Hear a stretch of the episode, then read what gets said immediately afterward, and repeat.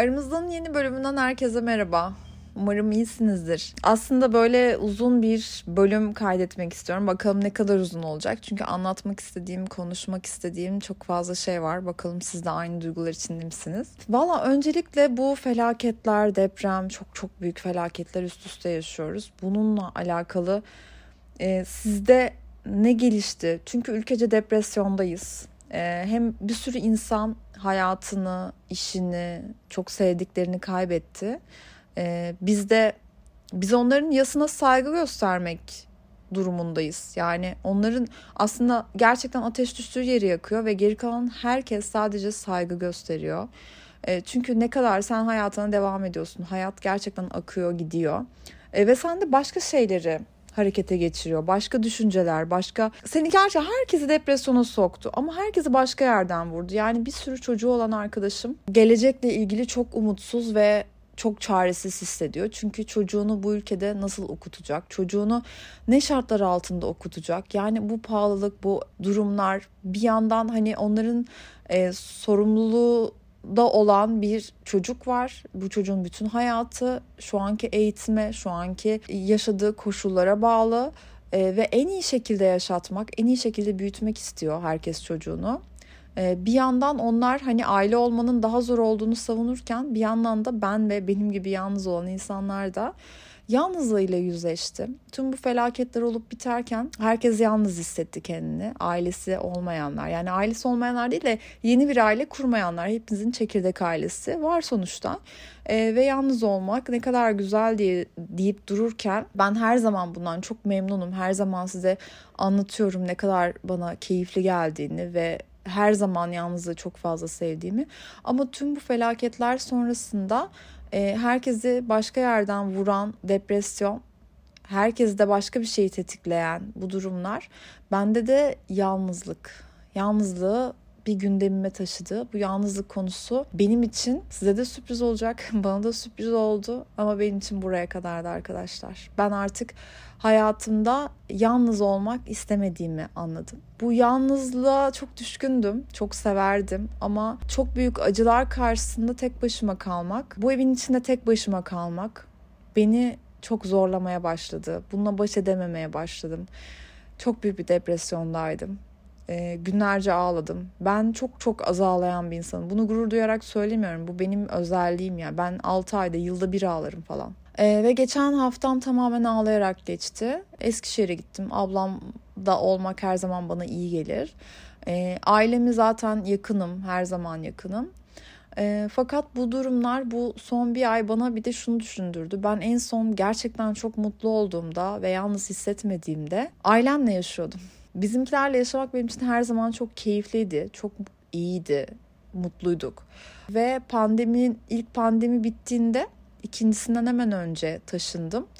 Ee, ve hepimizin verdiği mantıklı bir karardı benim taşınmam. Yani benim artık kendi hayatımı zaten yalnız olmayı çok sevdiğim için hayatımı kurmam gerekiyordu. Ben de buna çok okeydim. Ailem de buna çok okeydi. Bunun olması gerekiyordu. Ee, ve ikinci pandemi benim hayatta yaşadığım en büyük depresyonlardan birinin dönemiydi. Çünkü hatırlıyor musunuz pandemide e, bir gün şöyle bir açıklama oldu. 20 günlük tatil mi 20, 21 günlük tatil mi? Bir tane tatil vardı bayram tatili bir şeyler birleşiyordu. Ve tamamen bu süre boyunca ha, eve kapanma vardı. Tamamen bu süre boyunca gittiğiniz yerde kalacaksınız şu an bir yere gidebilirsiniz denmişti. Ve ben ertesi sabah uyandığımda Evimin sokağında bir araba bile yoktu.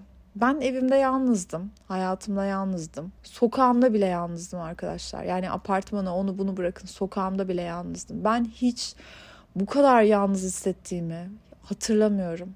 Yani çünkü biz burada evden çıkamıyorduk. Evden çıktığında polis çeviriyordu ve fırına bile gidemiyordun. Çok çok çok kötü hissettiğim, en dipte hissettiğim zamandı. Hiçbir zaman o acıyı, o depresyonu unutabileceğimi sanmıyorum.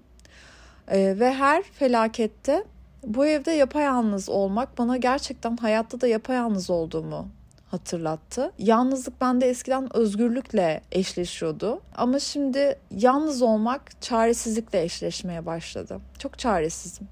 Olası bir deprem, olası bir felaket, aileme ulaşmam, buna ulaş, ulaşmaya çalışırken yine yalnız olmam. Bunlar beni bir yolun sonuna getirdi. Ve ilk defa hayatımda sesli bir şekilde insanlara, terapimde, arkadaşlarıma, hoşlandığım kişiye bile ben artık yalnız olmakla bütün alakamı kestim. Benim için yalnız olmak buraya kadardı. Tadını çıkardım. Çok güzeldi. Kendimle tatillere gittim. Kendimle yaşadım. Kendimle kutladım. Her şeyi tek başıma kendim yaptım ve çok güzeldi. Her şeyi yaptım. Ama buraya kadardı. Ben artık yalnız olmak istemiyorum. Ben artık içinde olduğum bir ilişki istiyorum. İçinde güvende olduğum bir ilişki istiyorum. Yani yaşadığım sorunlar, şanssızlıklar, her şeyi her şeyi ben artık arkadaşlarıma tek tek sesli mesajla göndermek istemiyorum. Ben onu kendi minik çekirdek ailemin içinde konuşup gerekiyorsa insanlara anlatmak istiyorum. Benim için artık bu dönem başladı. Bunu hissediyorum. Yani diğerine yok. Diğeri de ilişkimi kesti. Şubat ayının tamamı. Bir arkadaşım dedi ki ailenin yanına geri taşınmak ister misin? Böyle bir şeyin imkanı yok. Yani düzeninizi kurduktan sonra ki hani herkes çok mutlu. Annemler de çok mutlu. Ben de çok mutluyum. Hani bu düzeni artık kurmamız gerekiyordu. Çünkü hani yetişkin insanım ben de. Ee, hiç kimse istemez. Ne ailem benim geri dönmemi ister ne ben geri dönmek isterim. Çünkü büyümek böyle bir şey. Yani büyüdükten sonra hangi çocuk, hangi aile çocuğunu geri alır ki? İade geldi. evet ama yani bu deprem korkusu işte hepimizde bunu uyandırdı. Deprem korkusu yaşadığımız için herkes ailesine daha yakın olmak istiyor. Bende de o var. Keşke evlerimiz yakın olsa. Evlerimiz yakın değil. Yani böyle bunu sizinle paylaşmak istedim.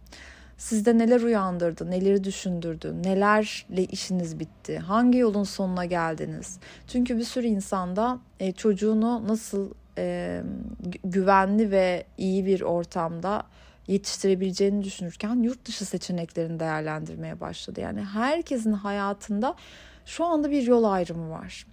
Ben de o yol ayrımındayım. Benimle yalnızlığım arasında. Böyle yani bu bir veda podcast'i. Kendisine veda podcast'i. Bundan sonra yani bunu eğer söylediğinizde eskiden çok böyle bakmıyordum. Çok da umurumda değildi. Yani yalnız olmak bana çok keyif veriyordu ama artık buna karar verdiğinizde buna göre davranıyorsunuz. Terapide ilerlediğimiz şeylerden biri buydu. Benim tam olarak ne istediğimi görmek ve ona doğru ilerlemek. Bunu sessiz söylemek. Çünkü bunu bir istiyorsunuz bir istemiyorsunuz normalde. Çok emin olmuyorsunuz. Emin olmadığınızda o yola giremiyorsunuz da. Yani orada bir bekliyorsunuz. Emin olana kadar bekliyorsunuz. Ben uzun zamandır emin değildim. Yani olsa güzel olur. Bir ilişkim olsa çok güzel olur. Ama ilişkim olmasa da çok mutluyum diyordu. Ee, ama artık bir ilişki istiyorum hayatımda. Bir kalıcı ilişki istiyorum. Artık buna ihtiyaç duyduğum bir dönemdeyim bunun bana iyi geleceği dönemdeyim. Anlatabildim mi acaba ya? Çünkü ilişkilerin bir ihtiyaç üzerine e, kurulması gerekmiyor diye düşünüyorum. Hatta tam tersini düşünüyorum. Hani sen zaten iyisin, mutlusun, kendini seviyorsun. Birinin seni sevmesine, birinin sana güçlü hissettirmesine ihtiyacın yok. Sen zaten yeterince güçlüsün.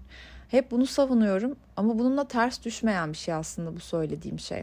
Sadece hayatınızda sizi daha mutlu edecek ne var? Şu anda beni mutlu edecek şey bu. Bana iyi gelecek olan şey bu. Hayatımda devamında görmek istediğim, kendimi içinde görmek istediğim resim bu. Bir diğer konu Şebo'nun beni yine kendime getirmesiydi. Ben çok böyle çok üzüldüğümde, çok hayal kırıklığına uğradığımda, büyük beklentilerim olduğunda ve hiçbiri gerçekleşmediğinde yani çok düştüğümde genellikle son bir yıldır Şebo'ya soruyorum daha önceden onunla bir bölüm yapmıştık. Ve öyle bir cevap veriyor ki o kadar hissiz, o kadar duvar gibi bir cevap veriyor ki sen böyle tak duvara çarpıyorsun ve kafan yerine geliyor. Düşünmen gereken her şey yerli yerine oturuyor gibi hissediyorsun. Ee, sanki evet ihtiyacım olan bu darbeydi gibi hissediyorsun. Ee, böyle durumlarda içinden çıkamadığınız şeyler varsa acil durum arkadaşınızın sizin tam tersiniz olan biri olmasını öneriyorum size.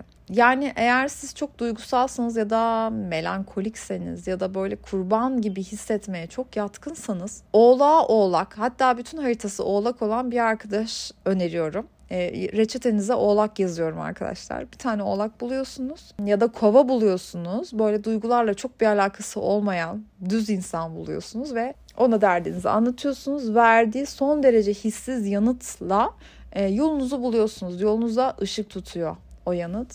E, çünkü sizin görmediğiniz şeyi o görüyor. Sizin asla aklınıza gelmeyecek şey onun hep aklında olan şey.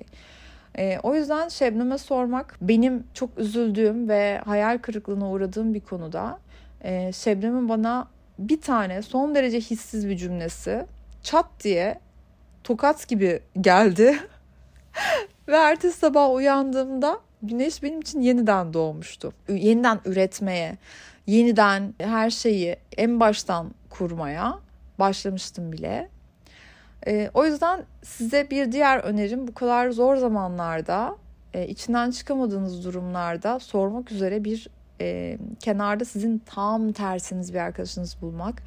E, çünkü sizinle aynı şeyi düşünen, sizi çok güzel teselli eden duygusal arkadaşlarınız sizi hiçbir kuyudan çıkarmıyor e, sizinle geliyor o kuyunun içinde yan yana oturuyor. Ve hayatı kolaylaştıran şey aslında bu değil. Zannettiğimizin tam tersi. Sizi o ne yapıyorsun burada ya ne yapıyorsun bu kuyuda diyen hissiz arkadaş. Sen diyorsun ki evet ya ne yapıyorum ben burada deyip kalkıyorsun böyle dizlerini e, poponu silkeleyip kalkıyorsun ve çıkıyorsun oradan. O yüzden bunu da size hatırlatmak istedim. Bu dönemde belki ihtiyacınız olur buna. Dün bir arkadaşımla buluştum. Çok sevdiğim bir arkadaşım. Ve bana dedi ki ben dedi sana çok kırgınım. Çok kırıldım. Bunun sebebi de şuydu. E, benim bir süre e, görüşmekten uzaklaşmış olmam. Onun onu görmekten uzak kalmam. Kendi kendime onu görmenin bana iyi gelmediği bir dönem yaşamam. Ama ben de aslında bu arkadaşım gibiydim eskiden. Yani kendimi benden uzaklaşan arkadaşlarım olduğunda çok yakınken bir anda koptuğumuzda kendimi terk edilmiş hissediyordum. Bana bunu nasıl yapar? Ben bu kadar kıymetsiz miyim? Şu an hayatında nasıl hiçbir değerim olmaz? Ne yapıyor şu an ben? Siz özlemiyor mu? Benden nefret mi ediyor?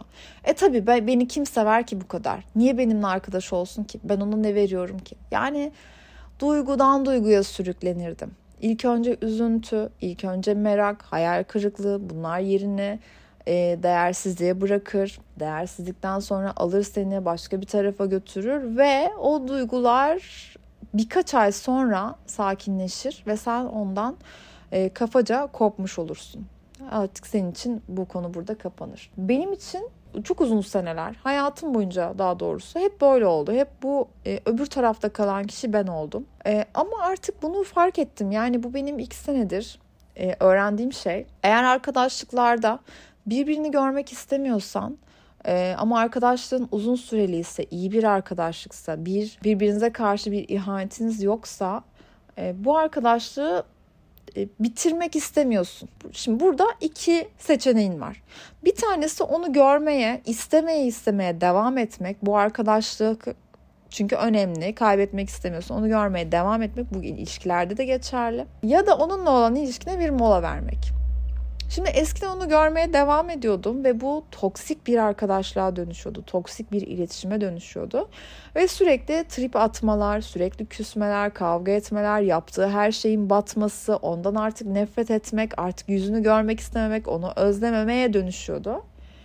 Ee, ama seçtiğim yeni yolla birlikte şuna dönüşüyor. Ben bu insanı seviyorum ve güveniyorum. Kıymetli de biri. Ama bu ara görmemek ona da bana da iyi gelecek. Çünkü iyi davranmayacağım. İyi davranmıyorum. Çünkü görmek istemiyorum. Çünkü bana çok ağır geliyor enerjisi.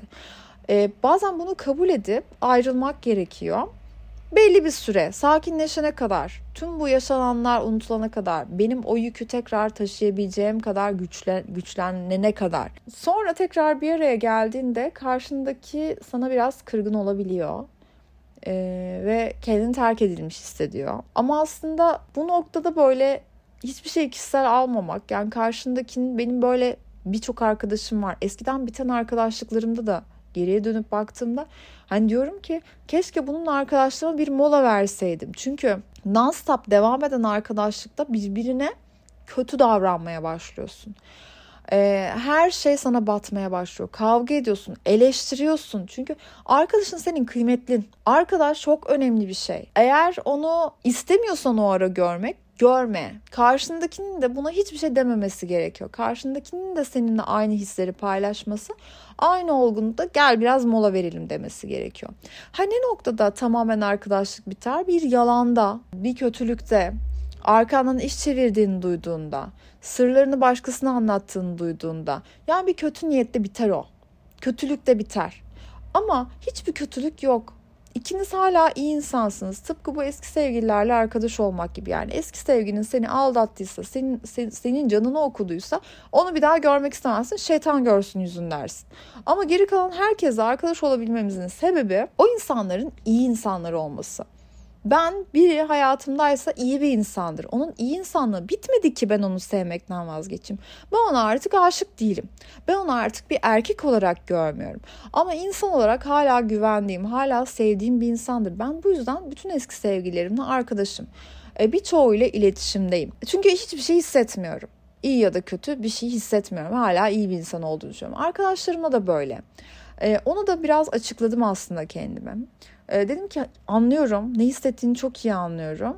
Ama benim böyle bir şey yapmam gerekiyordu. Bu ilk değil sonu olmayacak. Ben uzaklaşırım. Kötü gidecekse, toksikleşecekse bunu görüyorsam uzaklaşırım. Bana bir şey çok ağır geliyorsa uzaklaşırım. Bana enerjin çok fazlaysa ve benim zaten kendime yetecek kadar enerjim varsa uzaklaşırım. Bu ne senin ne benim kötü bir insan, ne senin ne benim değersiz bir insan olduğum anlamına gelmiyor. Bu o an için aynı yolda gitmememiz gerektiği anlamına geliyor. Bu kadar. İleride yollarımız tekrar birleşir. 6 ay, 3 ay, belki de hiçbir zaman birleşmez. Hiç önemli değil.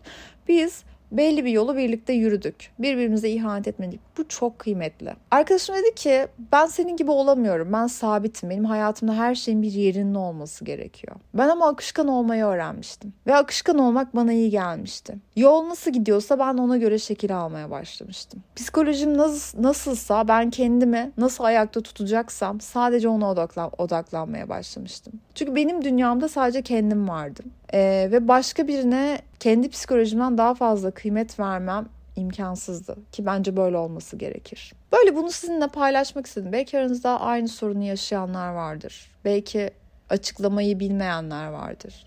Belki bu yolu seçmeyip toksik de olsa arkadaşlığına devam edenler vardır. Belki kafanızdaki şeylere bir cevap olur. Bunu size paylaşmak istedim. Aramızdanın bu bölümü bu kadardı. Aramızdanın bu bölümünden de şimdilik bu kadar. Bir sonraki bölümde görüşmek üzere. Hepinizi öpüyorum.